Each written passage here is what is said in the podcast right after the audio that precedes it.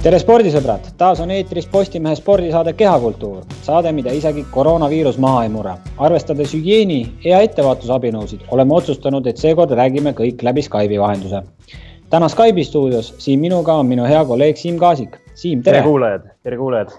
kevadele kohaselt oleme kutsunud külaliseks mehe, kes on talialade proff, talle on omistatud laskesuusatamise suurmeistri ja murdmaasuusatamise meistrisportlase auaste. lisaks mitmetele medalitele juuniorite maailmameistrivõistlustelt ja üleliidulistelt täiskasvanute meistrivõistlustelt on ta õppinud Duke'i ülikoolis ning teinud sedasama tööd, mida praegu meie teeme. olles tuhat üheksasada kaheksakümmend kaheksa kuni tuhat üheksasada üheksakümmend kaks aastal Eesti TV spordisaadete toimetaja see mees on Even Tuudeberg, spordihunt, kes alles eile saabus puhkuselt tagasi Eestisse. tere, Even. tervist. kus kaugel käisid ja kuidas koroonaviiruse paanikas muu maailm tundus ei, ma päris puhkusel ei käinud, ma käisin Dubais, aga, aga osutus puhkuseks tööreis, kuna siis seitsmest kokkulepitud kohtumisest jõudis ainult kolm kohale, et ülejäänud inimesed jäid üle maailma igale poole lõksu, nii et, et selles mõttes oli tore no sina jõudsid õnnelikult eile Eestimaale tagasi, et eh, kuidas praegune viirus sinu igapäevategevusi mõjutab? minu igapäevategevusi, ütleme, mõjutab viirus nii nagu absoluutselt ilmselt iga inimest ehk äh, ilmselt viie protsendi ulatuses tunneme, et raha kahaneb ja, ja külmkapp jääb tühjemaks ja, ja hirm ja, ja, ja õud teadmatuse ees, aga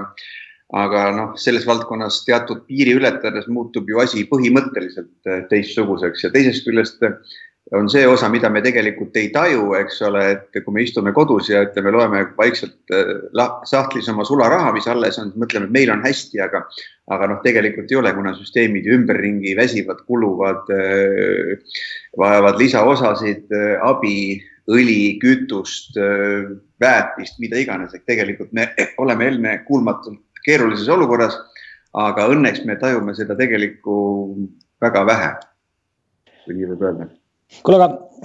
kui me nüüd igapäevasest tegevustest veel räägime, et äh, möödunud nädalal potsatas meil sporditoimetuse postkasti EOK kiri. Äh, seal seisis ühe asepresidendi kandidaadina kirjas Even Tuudeberg, kelle olid esitanud siis Eesti Laskesuusatamise Föderatsioon ja Eesti Budo Föderatsioon. ega sinna vist ilma nõusolekuta esitada ei saa ja tahtsin küsida, et kuidas sulle või kes sulle ettepaneku tegi ja, ja mis mõtted ja, ja tulevikuvisioonid sul selle ametipostiga oleksid? jah, et, et seal tegelikult isegi neid rohkem oli neid kutsujaid ja see mõte on see, et, et ma ei lähe sinna pagunite või raha teenimise eesmärgil, kui ma sinna üldse lähen või valituks saan või kui mind sinna vaja on, aga see mõte on, kas lähen sinna mina või keegi teine, aga täna on kätte jõudnud Eesti Vabariigis aeg, kus me peaksime talialasid vaatama eraldi osana ja, ja kui näiteks Eesti Olümpiakomitee üks asepresident on siis talialade peal, siis keegi peaks nii-öelda tänaseks eksootiliseks muutunud äh, spordialasid vaatama ja käsitlema teistmoodi. ehk see lähenemisnurk peaks olema teine ja kuna äh, rahakotid on kõigil tühjaks jäänud, mõtted otsa saanud, äh, lumi ära sulanud, on püstitatud igasuguseid betoonist trampliine ja muid rajatisi kus lihtsalt haigutab tühjus ja väiksed putukad parimal juhul ringi tatsavad, eks ole, siis keegi võiks neid kodanikke nagu rõõmsal meelel uuesti ühineda kutsuma ja, ja maha rahustada, eks ole, et eh, noh, see on nagu spordistart, et, et üks start nüüd ei õnnestunud, nüüd peaks nagu uuesti eh, riideid vahetama ja siis järgmine kord uues geograafilises positsioonis uuel kellaajal ühises stardis olema nendes tingimustes, nagu me suudame ja, ja täna me arvame, et või mina arvan, et, et ähm, kui me aastal kaks tuhat koos siis Siim Kallasega mõtlesime, et peaks ühendama talispordialad ühtseks asjaks ja siis sai tehtud ka see Tehvandi keskus tegelikult, äh, siis oli minister Signe Kivi, kes rõõmsalt selle heaks kiitis ja Tehvandi saigi suuremahulised ehitustöödega peale hakatud, aga nii nagu öeldakse, et, et kui me investeerime haridusse, siis tegelikult inimesed, kes kuulevad ja lapsevanemad ja kõik mõtlevad, et oi, nüüd läheb õppimine paremaks, tulevad uued õppevahendid, siis tegelikult investeeritakse kinnisvarasse, ehitatakse või remonditakse koole. Ja seal ütleme, Tehvandil ka palju juhtus seda, et palju asju sai valmis, aga see sisu jäi puudu ehk mõte oli see, et ühendada siis anda alates lasteaedadest, koolidest hakata propageerima, et tehkem sporti, et vaadake, kes sobivad sporti tegema, kes klaverit mängima, kes tahab Äh, laulmisega tegeleda või muude numismaatiliste aladega. et siis üks asi on, oleks eristada need lapsed, vaadata nende tervise üle, kellel on võimed ja kes siis tahavad talvise spordialaga tegeleda, kes jõuavad või suudavad talvel külma ilmaga välja minna. alguses kõik koos saavad harjutada ja kasutada neid riigi spordibaase ühiselt kõik klubid ja hiljem siis vaadatakse, et kes julgeb, läheb torni, kellel on täpne silm, hakkab laskma, saab laskesuusatajaks, kes on tugev ja kiire, saab suusatajaks, kes julgeb mäest alla lasta, hakkab bobiga tegelema, aga paraku harjutab siis Lätis, kuna meil bobisõidurada ei ole teatavasti. Nii et see asi jäi nagu poolikuks, et ja see mõte on, et äkki nüüd, kus äh, spordis on tegelikult päris äh, võimas mõõn käinud, et äkki uuesti ärkaks ellu ja hakkaks rahulikult vaatama eestlasi, eestimaalasi eh, kui ühtset riiki ja kõigile lastele, kes tahavad, annaks võimaluse spordiga tegeleda ja kellel rohkem siis vaimujõudu või tahtmist, siis neid toetaks, sest ega ei ole nii, et ju, et targad ja tugevad lapsed sünnivad ainult rikastesse perekondadesse, et nii-öelda kui vaim sinna inimese kehasse ilmub, eks ole, siis me kunagi ei tea, et kus peres või mis rahvusest ta sünnib, et ja, ja siis võiks ju ühtselt edutada ja tiivustada neid tugevaid ja tarmukaid ja viisakaid ja kultuurseid sisukaid lapsi, anda neile võimalus oma riigi eest võistelda ehk kutsuda neid siis tegelema tippspordiga ja võtta siis ka mõnes mõttes riiklik vastutus ja kohustus nad sinna spordivõistlusele kohale viia, väärikalt riidesse panna, varustada vajalike spordivahenditega ja õpetada neile õieti käituma ja reeglistikku, et siis rahvas saaks tagasi oma pandud nii-öelda investeeringu selle rõõmu näol, vaadates teda teleekraanilt või kuulates raadiost. Aga noh, igal nii-öelda idee on väga hea ja üllas, et et äh, kas sul on, oled nagu oma meeskonna peale ka mõelnud või et kas sind on kaasatud kuhugile meeskonda? et kas see mõte siis äh, teha nii-öelda talialade mõistes äh, ühtne, ühtne baas rakendub ka juba pikemalt, et võiksime siis rääkida üldse ühest alaliidust Eesti nii-öelda suuruses riigis, mida me saame kutsuda näiteks talialade alaliiduks, kus on kõik talialadega seotud teemad laual ja võib-olla siis ka siis meil teine alaliit on suvealadega seotud äh, alaliit või, või kuidas see, äh, kuidas see meeskonna nii-öelda komplekteerimine ja vibe teil täna hetkel on? et kas sa oled, oled sa Tõnu või oled sa Urmase meeskonnas? et tegelikult on nii, et, et mina, ma käsitlen, et täna ju suhteliselt selgelt on ikkagi ju äh, on Sõõrumaa ülekaalukalt äh, seda positsiooni saamas ja, ja, ja ta on ka täis energiat, tahet seda tööd teha ja jätkata. aga, aga seda presidendi rolli ma ei oskaks nagu hinnata või kaaluda. minust ei ole sellist üldliidrit või, või vedajat või noh, see on natuke teine ampluaa, et, et me räägime ikka nagu talispordist ja, ja, ja, ja, ja, ja talisport on ja jääb vaatamata siis ükskõik, kes juhib või kuidas keegi mõtleb, et just minu mõte on, et see võiks neutraalselt tekkida mingisugune selline mõtteline ühendus, kus kõik tasakaalul moel nii-öelda nagu noh, spordiaumeeste kohtus leidakse õiged lahendused ja keegi ei ela üle oma võimete ega kellegi teise arvelt, et see tasakaalukas ja tarmukas eh, riigi juhtimine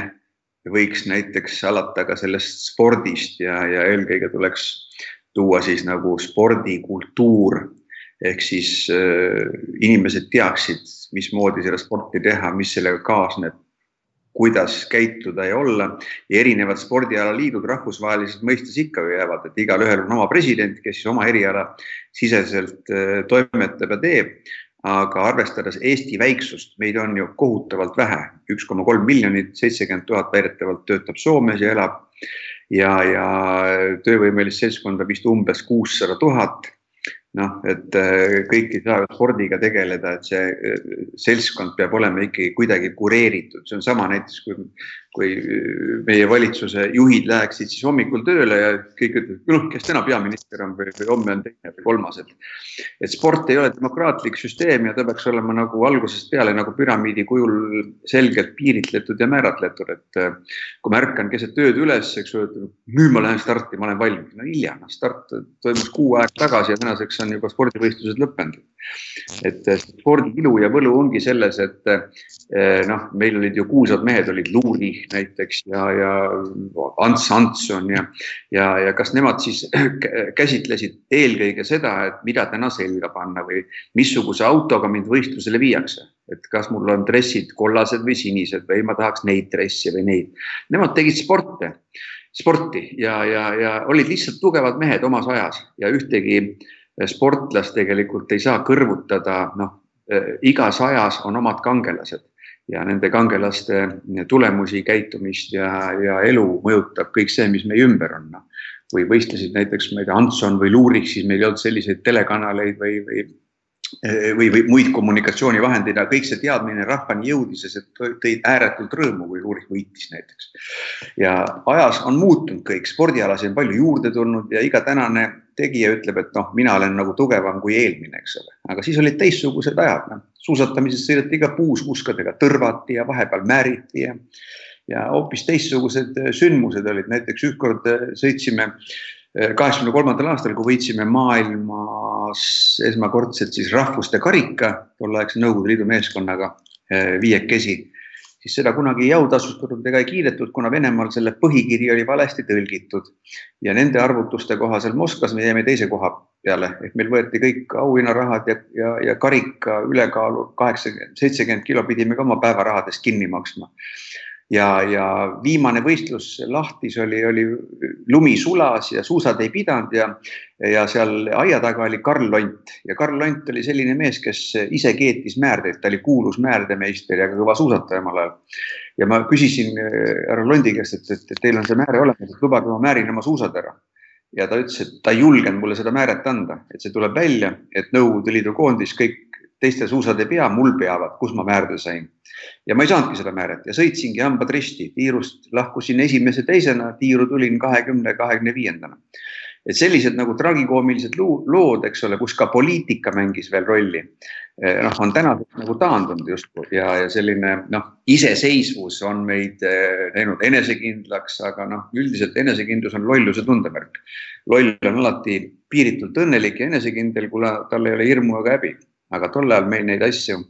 piiritleti mitmel moel, nii et, et äh, need lugud olid, lood olid markantsemad, lõbusamad, tagantjärgi on vahva neid meenutada, aga tol ajal oli ikka pisar silmis. no kui me räägime veel EOK presidendirallist, siis sa mainisid ka, et Sõõrumaa ülekaal on äh, praegu mäekõrgune, täpsemalt siis äh, seitsekümmend viis toetushäält on tal olemas, Tõnistel kakskümmend, et kas, kas see ralli ongi nüüd läbi või on Tõnistel siin mingi võimalus ka tagasi tulla? Ma ei oska öelda, ma, ei ole niisugune hasartmängude mees ja, ja mulle tundub, et kui juba spordialaliit valis Sõõrumaa tagasi, et siis järelikult mingisugune mõte või sisu sellel oli, et et ma kardan, et tänases äh, olukorras, mis valitseb Eestis ja maailmas, et keegi hakkaks nüüd siin uuesti ruletti mängima ja ja noh, see on natuke nagu eba, ebaloogiline, et seal mingisuguseid muutuseid võiks tulla et eelkõige ma arvan, et peaks need, see sisuline areng ja muutus peaks tulema ja ma usun, et selleks on kõik kogu Eesti Olümpiakomitee vaieldamatult ja kindlalt valmis, kuna kõik, kes spordi juhtimise juures on, alates pisikestest klubidest või lastevanematest, kõik ju saavad aru, et vanamoodi ei ole võimalik ja uutmoodi ei osata. ehk tegelikult definitsiooni järgi meil on siis Eesti spordis revolutsiooniline olukord ja, ja siin võikski rõõmsalt alustada ühest selgest päevast ja kellaajast, kus tehakse uued kokkulepped ja minnakse nii edasi. Ja kui tuleb raha ja võimalusi juurde, siis saab ka see vastavalt nendele elada, aga me peame arvestama, et kui tarkus on taandunud ja, ja, ja tuuled ei puhu ja, ja, ja nii edasi, siis pole mõtet vastu tuult joosta ja, ja nagu öeldakse, et surma lähedus avab hingesilmad, et et kui mõni spordiala on praegu nagu surmapiiri äärel, eks ole, ja, ja otsitakse mehi, noh, nagu moosekante pannakse liides, et kes tuleks ja teeks selle viimase etapi stardis ära, siis noh, et eh, see on lollus ja teistpidi öeldakse, et mida rohkem surma eest põgened, seda lähemale ta sulle pääseb. noh, ja see käib, käib ka spordi, spordi kohta, ma arvan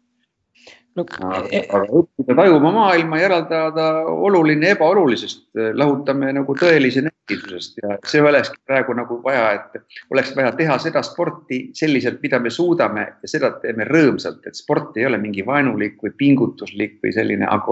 antagonistlik asi, mida teha läbi, läbi väsimuse, kurnatuse, hirmu ja, ja see on vale aga vaat sa rääkisid jah, et meil sellest süsteemi muutmist on vaja teha ja, ja et kui me oleme nagu siin nii-öelda surmalävel, et siis ähm, hinges tekib nii-öelda uus vaatepilt, et, et kuidas edasi äh,. murmaasuusatamine põhimõtteliselt on surnud tänaseks, laskesuusatamine veel kuidagi hingitseb äh,. meil on hoopis välja kerkinud äh, Daisy Kudre suusaorienteerumises, kes tuli tagasi just Anti Mansiiskist äh, pronksmedaliga et mida, mida Eesti peaks tegema või mida me teha saaksime, et me oleksime jälle tugev talialade ehk suusaalade riik. mis sa arvad? no kõigepealt tuleks investeerida iseenesesse, haridusse ja, ja harmooniasse, et sport on ju tegelikult algusest peale noh, sportlane peab olema harmooniline, aga me oleme unustanud ära selle, selle vaimu harimise, selle keha harimise peale on läinud nii palju aega eh,. dopingut ja igasugust muud asja ja enda kaunistamise, värvimise, lippude peale joonistamise, silmade muutmise, küünte panemise ja kõik see on, see on nagu võtnud nagu üle justkui nagu selle hinge poole ja siis nüüd see abitu keha, mis tohutult ära kurnatakse väsibki lõpuks ja, ja, ja sportlased keset hooaega ütlevad, jube imelik, et ma ei jõua enam sõita, mul keha, minu keha nagu ei liigu, et sa vaatad ennast nagu kõrvalt, onju. siis tuleb oma vaimu toita, oma hinge harida, eh, tuleb eh, lugeda toredaid raamatuid, tuleb kuulata head muusikat, tuleb käia looduses, tuleb otsida seda harmooniat, sest ainult harmoonias on võimalik leida tasakaal. ja, ja, ja ainult need sportlased, kes siis eh, toidavad ka oma vaimu tarkustega, nii-öelda maailma kõiksusest arusaamisega, siis nende mm, silmaring on mitmekülgsem, nad on avatumad, nad on tähelepanelikumad nii spordirajal, võistlustel, kuna need sekundid ja sentimeetrid ju kaovad meil lihtsalt ära. keegi jälle istub kuskil enne starti trepil äh,. arvuti on käes ja, ja ma olen läinud küsinud, et miks sa teed, sul on tunni aja peal start. aga ma kiiresti oma fännidele ütlen, et mida ma praegu teen et sa saad hull peast, noh, kui sa tegeled laskesuusatamisega, siis su silmad peavad puhkama.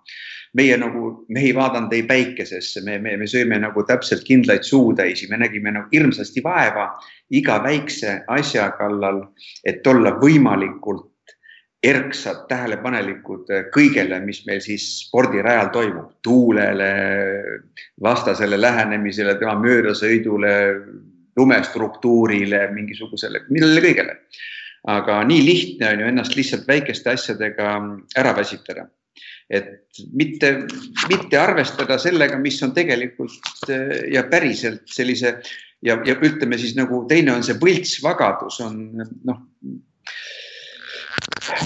on lihtsalt meid muutnud sellisteks, et eh, me ei tooda rõõmu iseendale ega teistele. ehk on vaja leida uuesti harmooniat spordis, tasakaalu ja, ja kui meie käisime juba spordiklassis, mille Tõnu Pääsuke meile tol ajal organiseeris, siis õpetajad käisid spordilaagrites kaasas, me lugesime raamatuid, õppisime, me hoidsime seda tasakaalu. et ma arvan, et see tasakaalu otsimise punkt on kõige olulisem, et ei ole tähtis, et kui palju sponsorid sulle raha annavad ja, ja mis värvi sul dressid on, et noh, et, et see iseendaga hakkama saamise lugu on kõige tähtsam ja neid õpetajaid kahjuks on täna väheseks jäänud, et on sporti kaasatud väga palju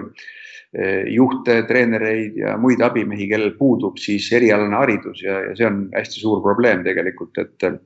ükskõik, alates siis massööridest eh, ja muudest nõuandjatest, et sinna peaks tulema ikkagi targad,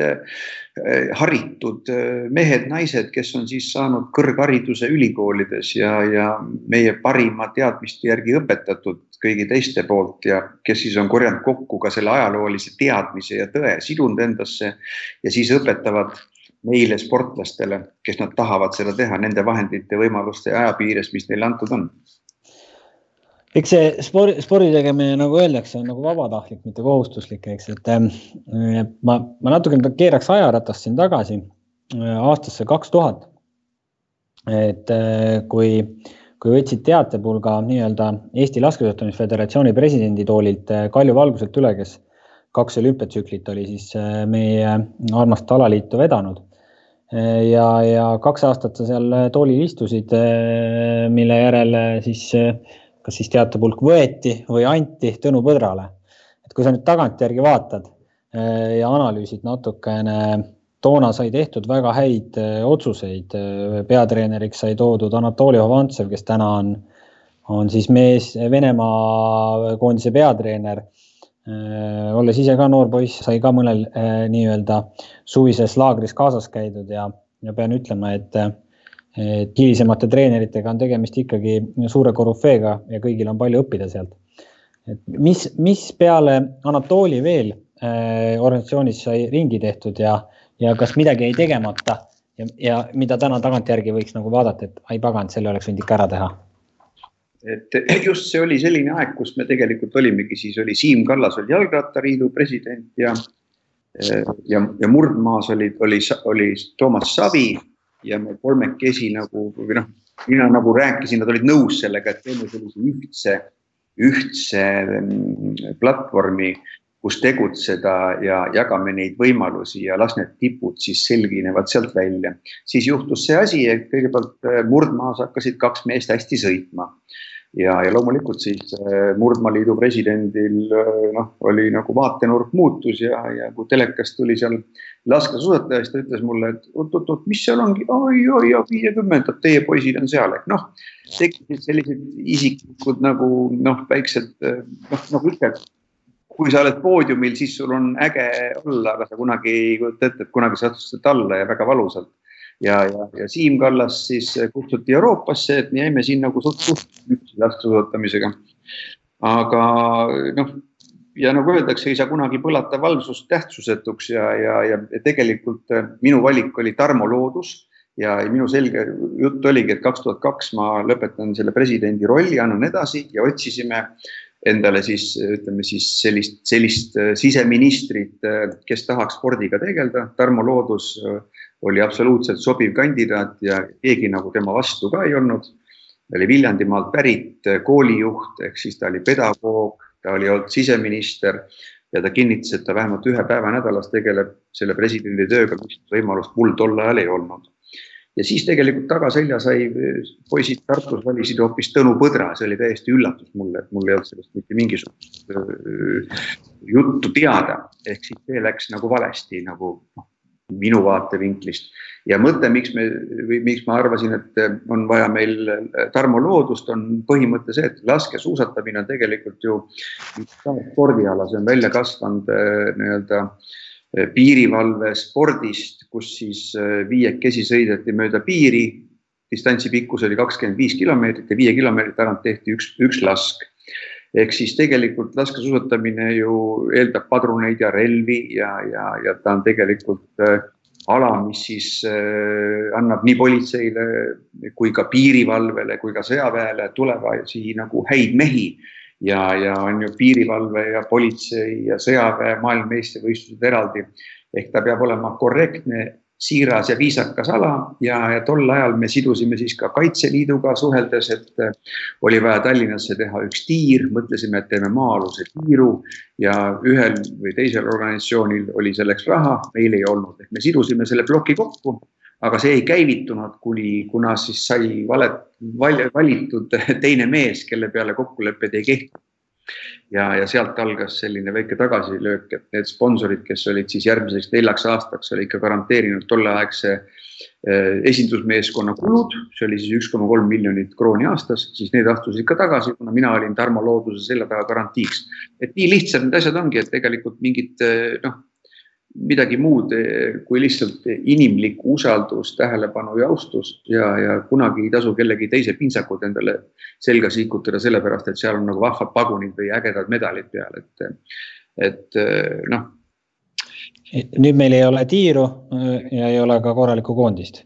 me, mehed, mehed on nelja tuule poole laiali jooksnud põhimõtteliselt peale. oli, oleks olnud siiasamasse, kus me külmaalliku rajad tegime, et äh, tol hetkel ja siis me olime siin juhatuses, olime mina, Hannes Tammjärv ja Vilja Savisaar. ja, ja, ja siis mind kutsuti ka Nõmme halduskogusse, kus oli tuba rahvast täis ja kõik olid minu peale tigedad, kuna Toomas Uba oli eetris öelda, et et ja nemad olid saanud aru, et nüüd iga nädala lõpp hakkavad siin Nõmme metsades toimuma maailmameistrivõistlused, võetakse kuue meetri laiuselt puud maha, võetakse, tehakse suur mustast plekist äh, sisesuusarada, mis võtab kõik kaevud tühjaks ja nii edasi, et noh, täiesti nagu valesti inimesed said aru, et nagu öeldakse, et inimestega tuleb rääkida. ja siis ma rääkisin ja rääkisin, rääkisin ja, ja noh, nii palju, kui ma oskasin, et iga nädala lõpp meil maailmameistrivõistlusi ja maailmakarikaetappe ei hakka Nõmmel toimuma, eks ole, vett ära ei võeta, plekist suurt, hiigelsuurt asja ei ehitata ja nii edasi. Aga eks see ongi, igaüks saab aru omamoodi ja, ja tegelikult see, see, see koosluse häving oligi kõige suurem pauk, et me rääkisime siis ka Harku inimestega, et need suusarajad oleks metsas valgustatud ja hästi valmis ja ja leppisime kokku siis Soomes Ladukone tehases, tehase omanikuga ja Hansapangaga. Hansapank oli nõus igale maakonnale siis finantseerima ühe miljoni krooni eest rajamasina, mõned ka kasutasid seda.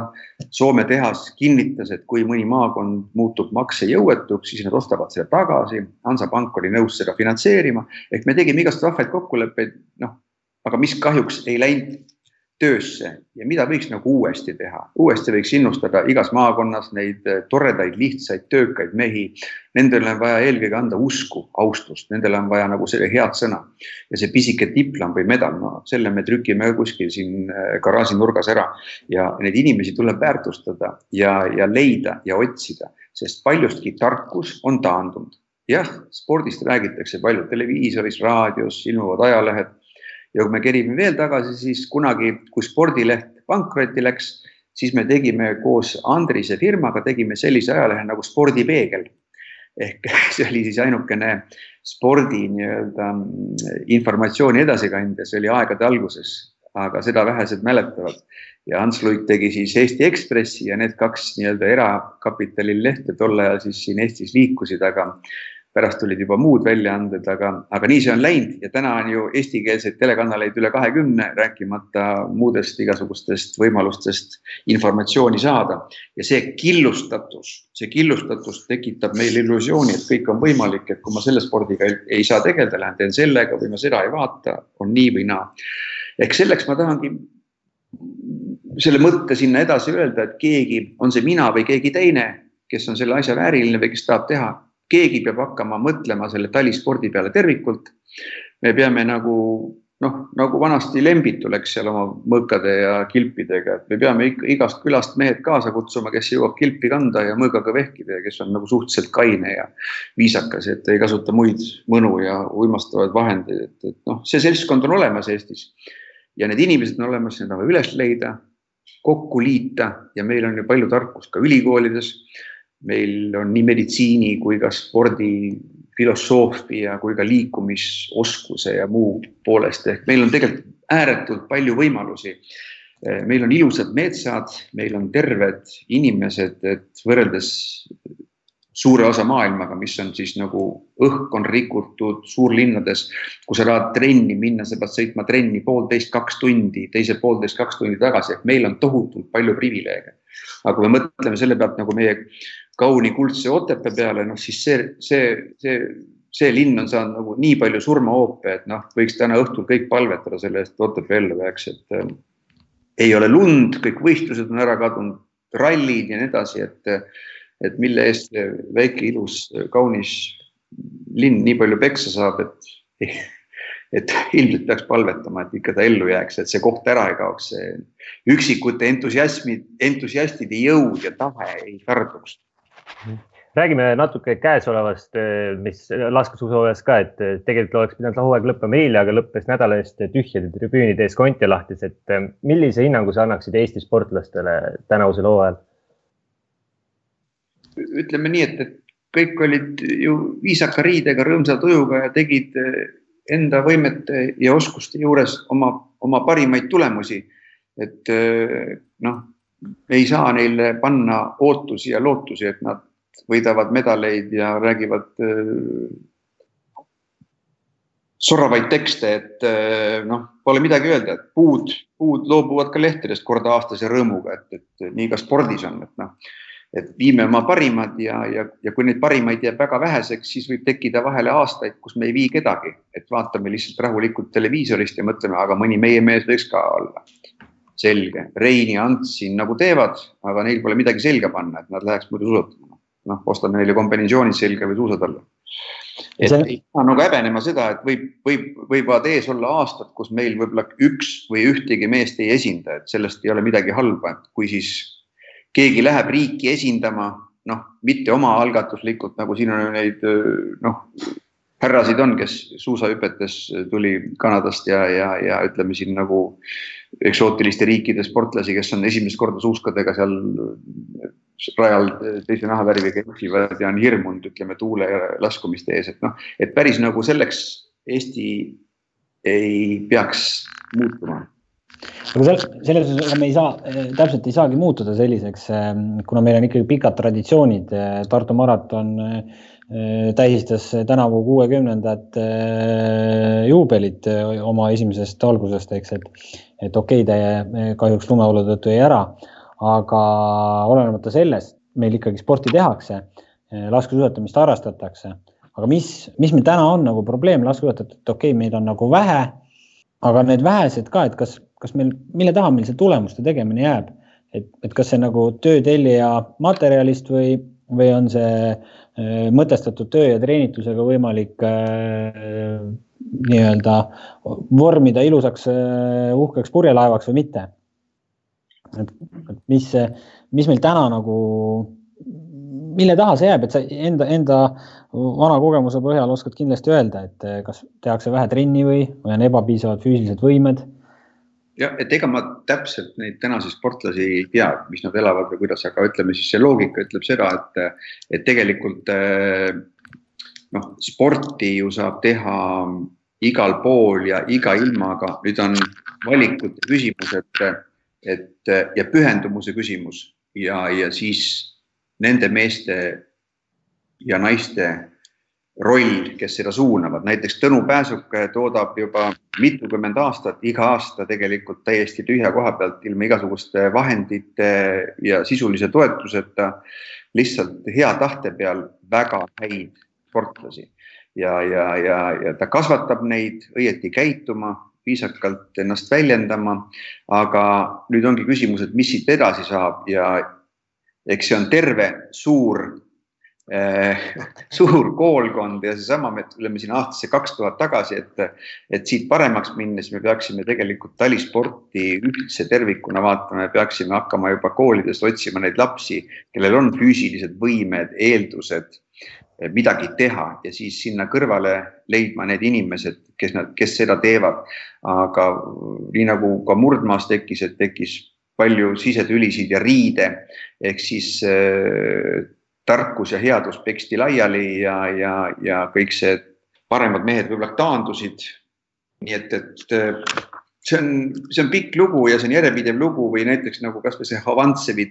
toomine siia, et kuidas ta siia tuli, et tegelikult me noh, päris ausalt, siis oli see otsus toimus tegelikult KGB residentsis Valgevenes, kus oli napsu võtmine, mida täismehed teinekord teevad, eks minuvanused mehed ja siis me seal vaidlesime, et kas ta tuleb meile või Valgevenesse ja siis ma tõestasin ära, et meil on teda rohkem vaja ja nad said aru, et meil on teda rohkem vaja. tema seal laua ääres ei istunud, noh, ta teab, et me kauplesime tema üle. ehk siis äh, see on äge, et tegelikult äh, üle maailma kõik need mehed, kes spordist teavad, et nad äh, tegelikult hoiavad kokku, nad suhtlevad ja spordirajal karjutakse tuld ja mida iganes, aga vabal ajal tegelikult tehakse nii, et kõik saaksid hakkama ja me aitame teineteist ja seda oleks vaja uuesti tagasi tuua. ja näiteks kui Valgevenes ei olnud äh, kaheksakümne üheksandal aastal ei olnud tehnikat, siis nad laupäeva hommikul helistasid, ma helistasin, saatsin Soomest kahe rekkaga kogu tehnika neile, mille nad hiljem ära ostsid, aga kõik käis ausõna peal ja selle nimel, et kõik tahtsid, et läheb hästi. Ja uskuge neid, et neid inimesi, kes tahavad, et ka meil läheks hästi on need kasvõi norrakad või rootslased, kes, kes ise teevad täna superhäid tulemusi, aga nendel on vaja kellega võistelda. et nad, nemad on kõik valmis meid aitama ja ma väidan seda, et kõik need ümberkaudsed riigid on tegelikult valmis meid aitama. võib-olla me peame talis, Eesti talispordile ostma või ehitama kuskile Lapimaale spordibaasi, võib-olla teise kuskile Alpi mägedesse ja kuulutamagi, et talisport on nüüdsest eksootiline spordiala, et lund enam ei tule, aga ongi veel ägedam vaadata ja siis me jääme rahule, kui poisil on seal kolmkümmend ja viiskümmend, kuna lund niikuinii ei ole. äge, et meie poiss võistleb sellisel alal, noh, seesama nagu eestlane võistleb mägironimises, noh, sa võid selle Munamäge ronida edasi-tagasi üles-alla, no mägironijad sul ei saa, eks ole ei noh, jah, see, see on, see on nagu siililegi selge, eks. aga noh, ikkagi ma just äh,, rääkisite meie ühisest treenerist Tõnu Pääsukesest, et ma äh, üleeile vestlesin Tõnu abikaasa Aita Pääsukesega, kes on äh, ka nii-öelda neid noori maast madalast kasvatanud, ehk see tandem on üheskoos liikunud ja rääkis sellise pikantse loo, kuidas nad äh, hakkasid nüüd noortega Austriast tagasi tulema ja ja juhuslikult siis äh, nende selja taga ainult pandi piire kinni. et Tõnul, äh, Tõnul on neid lugusid kindlasti varrukast võtta ja ma eeldan, et nii sulgi on äh, omad meenutused spordi tegemistest, et, et võib-olla see natukene räägib meile, kuidas toona treenimine käis, et, et kui praegu me siin käime, suusatame ja, ja sõidame suusarollereid ja, ja peame nii-öelda erialast tööd väga oluliseks, siis mäletatavasti toona olid baastööd natuke teistsugused, et tehti mahtu, mahtu, mahtu ja veel kord mahtu ning maatöö ehk jõu vastupidavuse kasvatamine, heinapallide loopimine sõnniku viskamine, eks et eh, ehk, ehk on sul sealt eh, niisuguseid toredaid seikasid eh, treener Tõnu Pääsukusega meenutada? ja muidugi, ütleme, me saime väga suured üld, üld, üldise nagu jõu ikkagi Hiiumaal puhastades läbi tolmu tee ääri vikatitega, rohujahu tassides ja, ja, ja heinapalle ja loogika on selles, et, et füüsilist tööd tehes et kui sa hantlitega, siis sul on ju kindel liigutus kindlas suunas, aga kui sa pead viskama heinapalli alguses üle kasti ääre, siis üle teise heinapalli, üle kolmanda, siis kogu aeg see liigutuste äh, amplituud muutub, eks ole, ja samamoodi on, noh, ja me tegime, et hommikul näiteks tegime seal ähm, trenni, siis läksime kellegi põllu peale, aitasime heinapallid lappi ära viia ja siis käisime õhtusöögil ja siis seda tegi, läksime veel, tuli veel laadida mingi rohujahu auto, eks ole, et pehmeid kotte. Ja see kõik nagu andis nii suure koormuse ja nii dünaamilise arengu kogu lihaskonnale, et ma täna oma vanemale poisile, kes on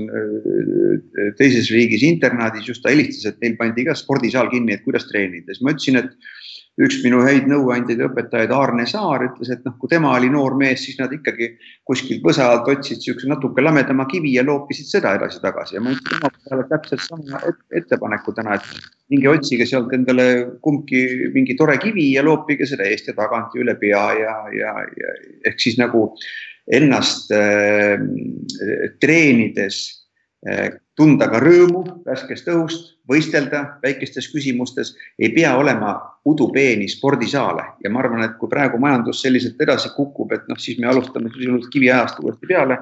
ja lähmegi otsime need kivikesed, hakkame neid loopima ja teeme üleshüppeid ja kätekõverdusi ja, ja kõike muud, et ega siis me oleme unustanud lihtsalt selle tehniliste vahendite ahvatleva arengu tõttu lihtsuse ja siit on kadunud ka see inimlikkus ja see, et ma ei saa trenni minna, kuna spordisaal oli kinni, no mine,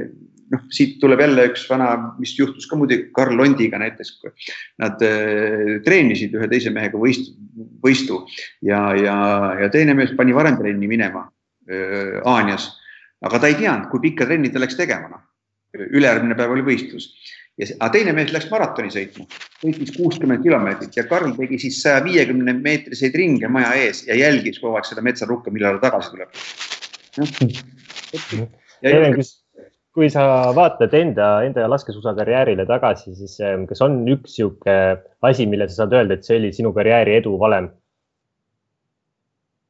äh,? Minu edu valem oli see, et ma keskendusin ühele asjale, et ma,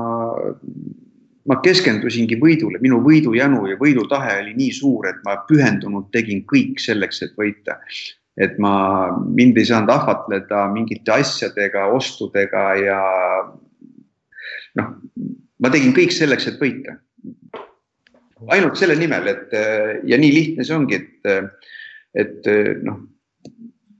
et tuleb pühenduda ja tuleb tahta ja tuleb kogu aeg, noh, kogu aeg treenida, inimene ei suuda, eks ole, aga, aga treenimine on ka automotoorne treening, kui sa sõidad lennukis või bussis, sa võid mõelda, kuidas sa lased ja, ja kõiki selliseid väikseid asjakesi.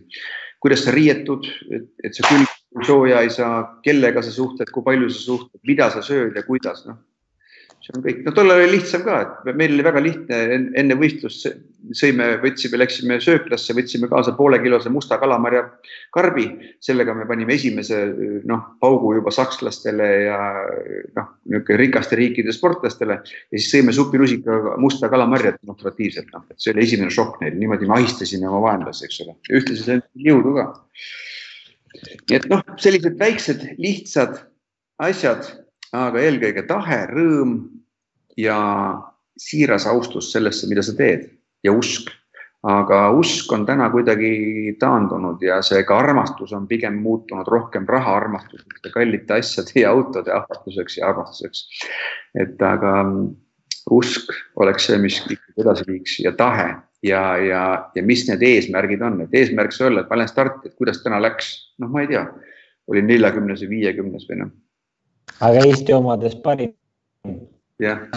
Sa seda oled tähele pannud, aga kuule, räägime sellest, et, et, et see must kalamari, et see on niisugune kõva psühholoogiline trikk, aga, aga mis, mis ajendil sa ise spordi tegemise ära lõpetasid, et mis elu tuli vahele või, või mis juhtus? Tek,? poliitiliselt tekkis selline olukord, et kaheksakümne kolmandal aastal me võitsime seal igasuguseid medaleid ja olmekollani maailmakarika etapp ja rahvuste karika, siis tuli kaheksakümne neljas aasta, Sarajevo olümpiamängud ja, ja, ja ma võitsin seal need katsevõistlused kõik ära ja olin raudselt meeskonnas, kõik varustus välja kirjutatud ja siis Bakurjanis juhtus selline asi, et äh, kui täna me räägime, et on hästi palju toetusmeeskonda, siis minul Bakurjanis ei olnud kellegi kätte püssi jätta, siis oli seal Aare Eller telereporter tol hetkel, eks ole, kes siis korraks vaatas püssi, et ma natuke sooja saaks teha. et ma ei usaldanud kellelegi püssi anda, kuna kaheksakümne kolmandal aastal oli siis liidukoondise minu oma teine treener mu püssi nii pealt ära keeranud, et ma oleks muidu maailmameistriks tulnud, lasin kahe märgi vahele. noh, täna ta on juba teise ilma läinud, nii et, et rahu tema põrmule ilmselt, aga noh, et, et seda vältida, eks ole, noh, siis ma ei saanudki sooja teha ja, ja, ja siis kuus tundi kestis nõupidamine, kus siis armee ostis mind välja, kuna ühtegi armee meest ei olnud, kõik olid ainult Dünamo mehed, noh. nii ma jäin olümpiamängudes kõrvale, järgmine aasta olid siis Saksamaal maailmameistrivõistlused ja siis oli kaks katsevõistlust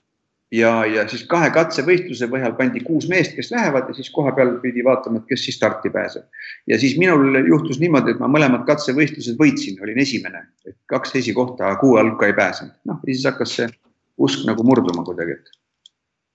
no siit on hea edasi minna olümpiamängude teemal, et eile kogunes siis rahvusvahelise olümpiakomitee, kogunes kriisikoosolekule erinevate olümpiakomitee, rahvusvaheliste olümpiakomiteede survel ja tunnistas esimest korda, et kaalub olümp, Tokyo olümpiamängude edasilükkumist, et äh, otsus siis, millal, kas olümpia toimub, tähendab, kas olümpia toimub, see on selge. millal ta toimub, see selgub nelja nädala jooksul, et kas teile mehed, tundub reaalne, et olümpiamängud algavad kahekümne neljandal juulil, sest praegu plaan A on just see, et olümpiamängud algavad õigel ajal.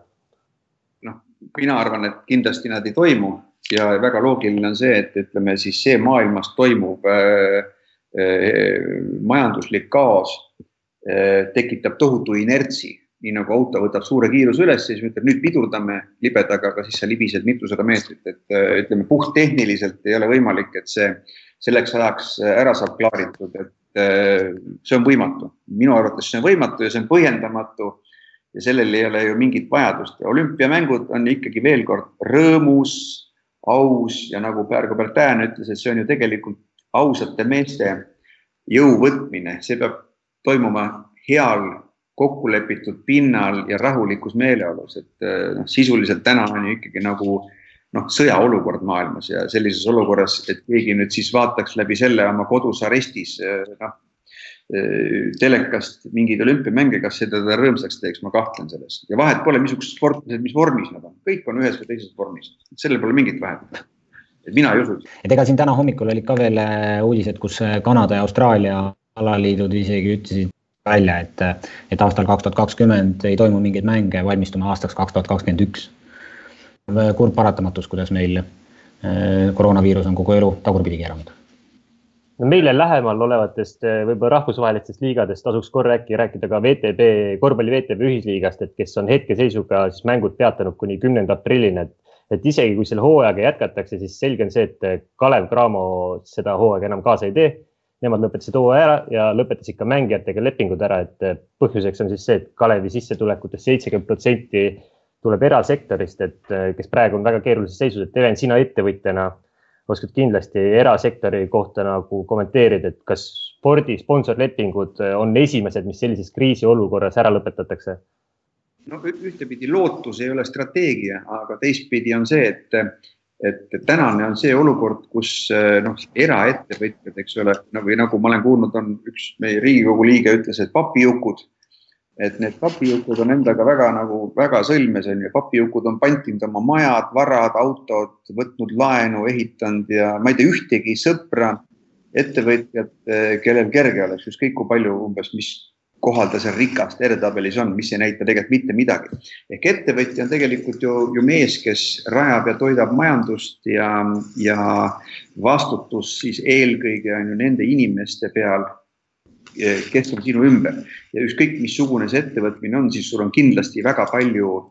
äh, inimesi, kellele sa pead siis äh, garanteerima söögiraha. Ja selle tõttu jah, kahjuks need sponsorrahad äh, jäävad kindlasti tahaplaanile, see on nagu,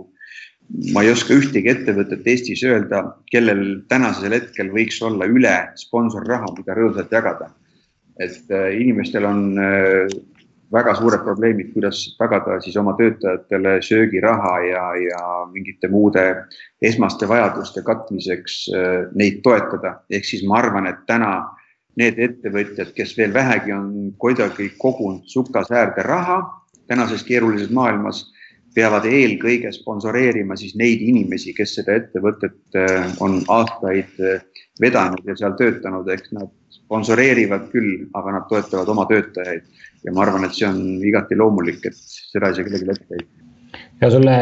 kuidas sul endal korvpalliga suhe on, vaatad, elad kaasa Kalle Cramole ja VTB liigale? mina olen isegi kunagi Toomas Uba käest on, mul on, olen saanud ähm, käskkirja, kuna Toomas Uba arvas, et et Kalevi meeskond maksab mulle altkäemaksu, et ma nii palju toetan neid ETV-s, et kutsuti välja ja sõimati, see võis olla üheksakümmend kaks või kolm et ma olen alati kaasa elanud ja, ja ma imestan Ivar Valdmaa järjepidevat visadust seda kogu aeg üleval hoida, majandada ja teha. Ja, ja äge, äge, et, et see sport on meil elanud ja annaks jumal, et ta elab edasi, ta kindlasti elab edasi, aga noh, põhimõtteliselt on ju korvpalli võimalik ka virtuaalselt teha või siis nagu kirimalet, et, et saadad palli järgmisele mehele see tuleb postiga koju, siis viskad oma korvi näiteks kaamera ees, kas saad punkti või ei saa ja niimoodi käib pall perest perre, et noh, spordialasid saab nii poolvirtuaalseks teha. E-sport juba tõstab äh, nii-öelda pead ja nüüd on selleks veel parem võimalus antud, et, et kõik arvuti taha oma nii-öelda sporditegemised viiksid. aga kui me räägime veel äh, nii-öelda pallimängudest ja nende liigadest, siis äh, siis hooaeg on tänaseks praktiliselt Eestis kõikide pallimängude liigadele lõppenud, erandiks saame lugeda jalgpalli, et jõudsime, jõudsime enne eriolukorra väljakuulutamist mängida vaid ühe vooru ja, ja varakult nii-öelda lõpetatud liigades meistrid välja ei kuulutatudki, teistes pallimängudes siis korvpall, võrkpall, käsipall ja nii edasi, et kuidas peaks üldse sellises olukorras käituma, kui liigahooaeg ei lõpetata? kas meister tuleks välja kuulutada või mitte, mis te arvate? no ma võib-olla vastu Essan, et äh, pallimängude liigades äh, ei saa vist meistrit ikkagi välja kuulutada, kui kõik mängud ei ole peetud, et, et siin, äh, kui me vaatame, et murdmaas, eks ju, jäeti etapid ära ja seal on lihtne, seal on kõikidel võrdsed olud, et eh, mingid etapid jäeti sõitmata, kõikidel jäi sõitmata, et pallimängudes on ju vastasseisud, kes on tugevamaga mänginud, eks ju, et kõigil, kõigil võib olla mingi näiteks kakskümmend vooru mängitud, et eh, noh, seal ebavõrdne seisud, et näiteks toome Inglismaa meistriliiga kohta näite, et, et seal on praegu mängud edasi lükatud. no vist oli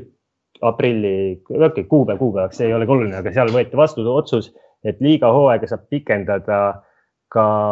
esimesest juunist edasi, et varem oli see, et liiga hooaeg lõpeb esimese juuniga ära, et nüüd on seda võimalik määramata ajaks pikendada. Ja sellega luuakse siis võimalus välja, et äh, Liverpool, kes on kolmkümmend aastat oma tiitlit, esimest liiga tiitlit oodanud, et, et nad saavad oma mängud lõpuni mängida ja, ja selle tiitli ikkagi lõpuks ära võita, et, et ilma mänge lõpuni mängimata ei saa ju meistrit välja kuulutada, ega ju no vist küll jah, ja aga, aga noh, taeva korra kohaselt järgneb igale lõpule uus algus, et noh, see on nagu mõni võistlus, et kas sa katkestad ise või näiteks meil tulla laskesuusatamise juurde, siis meil katkestati vahest udu tõttu, nii et noh, juhtus nii ja, ja treenime edasi, et loodus ju sallib rahulikku ja, ja vaiksena võrdselt kõiki olevusi, nii et, et õpetajal tuleb oodata, et ta üles otsitakse, mitte ise pakkuda ja, ja küll see uus start tuleb ja selleks hetkeks äh, tuleb ennast vormis hoida ja tugev olla ja hea. Minu arust midagi halba selles ei ole et see võitja kuulutamine ei saa ju alati olla eesmärk, et tegelikult ju eriti korvpallis, kui palju me naudime seda protsessi. et see on palju olulisem. saate lõpetuseks äh, räägime natuke ka pehmematel teemadel, et äh, koroonaviiruse tõttu tuleb paljudel inimestel kodus püsida, et meil see nii-öelda karantiin veel nii rangeks ei ole läinud, aga olukord võib sekunditega muutuda et näiteks Prantsusmaal jooksis äh, üks prantslane rõdul maratoni ja aega kulus tal selleks kuus tundi ja nelikümmend kaheksa minutit. meil siin on äh, üks hea kolleeg Õhtulehest, äh, kes ka eksperimendi korras tegi kodurõdul kümme tuhat sammu, et, et mis me teeme, kas peaks ka järgi tegema või kinni maksma? no mina antud juhul valin siis kinnimaksmise, et esiteks kodul rõdu ei ole ja ma arvan, et vaimutugevust kodus no kümme tuhat sammu võib-olla, aga maratoni, maratoni kodus joosta kodurõdul, et eh, ma kujutan ette, kui nüris olla võib. seal ei saa ju hoogugi üles, et eh, see, see tundub niisugune rohkem vaimutugevuse näitamine isegi. teistpidi on need edu saladus peitub ju ka võimes õigel ajal õigel vinkil taanduda ehk siis nagu õige mõtlemine laseb südamel kaasa rääkida ja sporti tuleb ikka teha, aga nagu lollusi ei tasu teha, eks ju, noh, virtuaalselt autoga toas näiteks võib papist auto teha ka ja vormelitega sõita köögist äh, vannituppa ja siis käia vahepeal siis äh,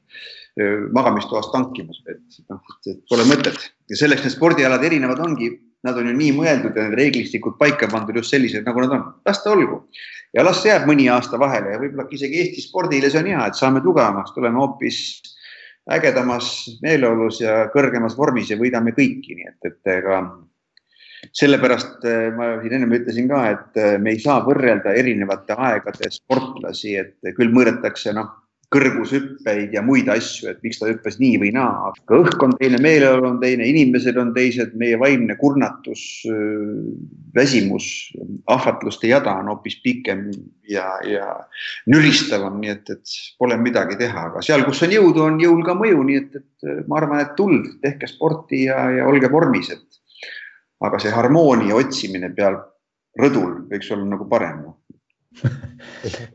sellega eh, loeme kahekümne kolmanda märtsi eh, sporditoimetuse eh, saate Kehakultuur lõppenuks ja täname meie saatekülalist Even Tudebergi ja aega leidmast meiega vestelda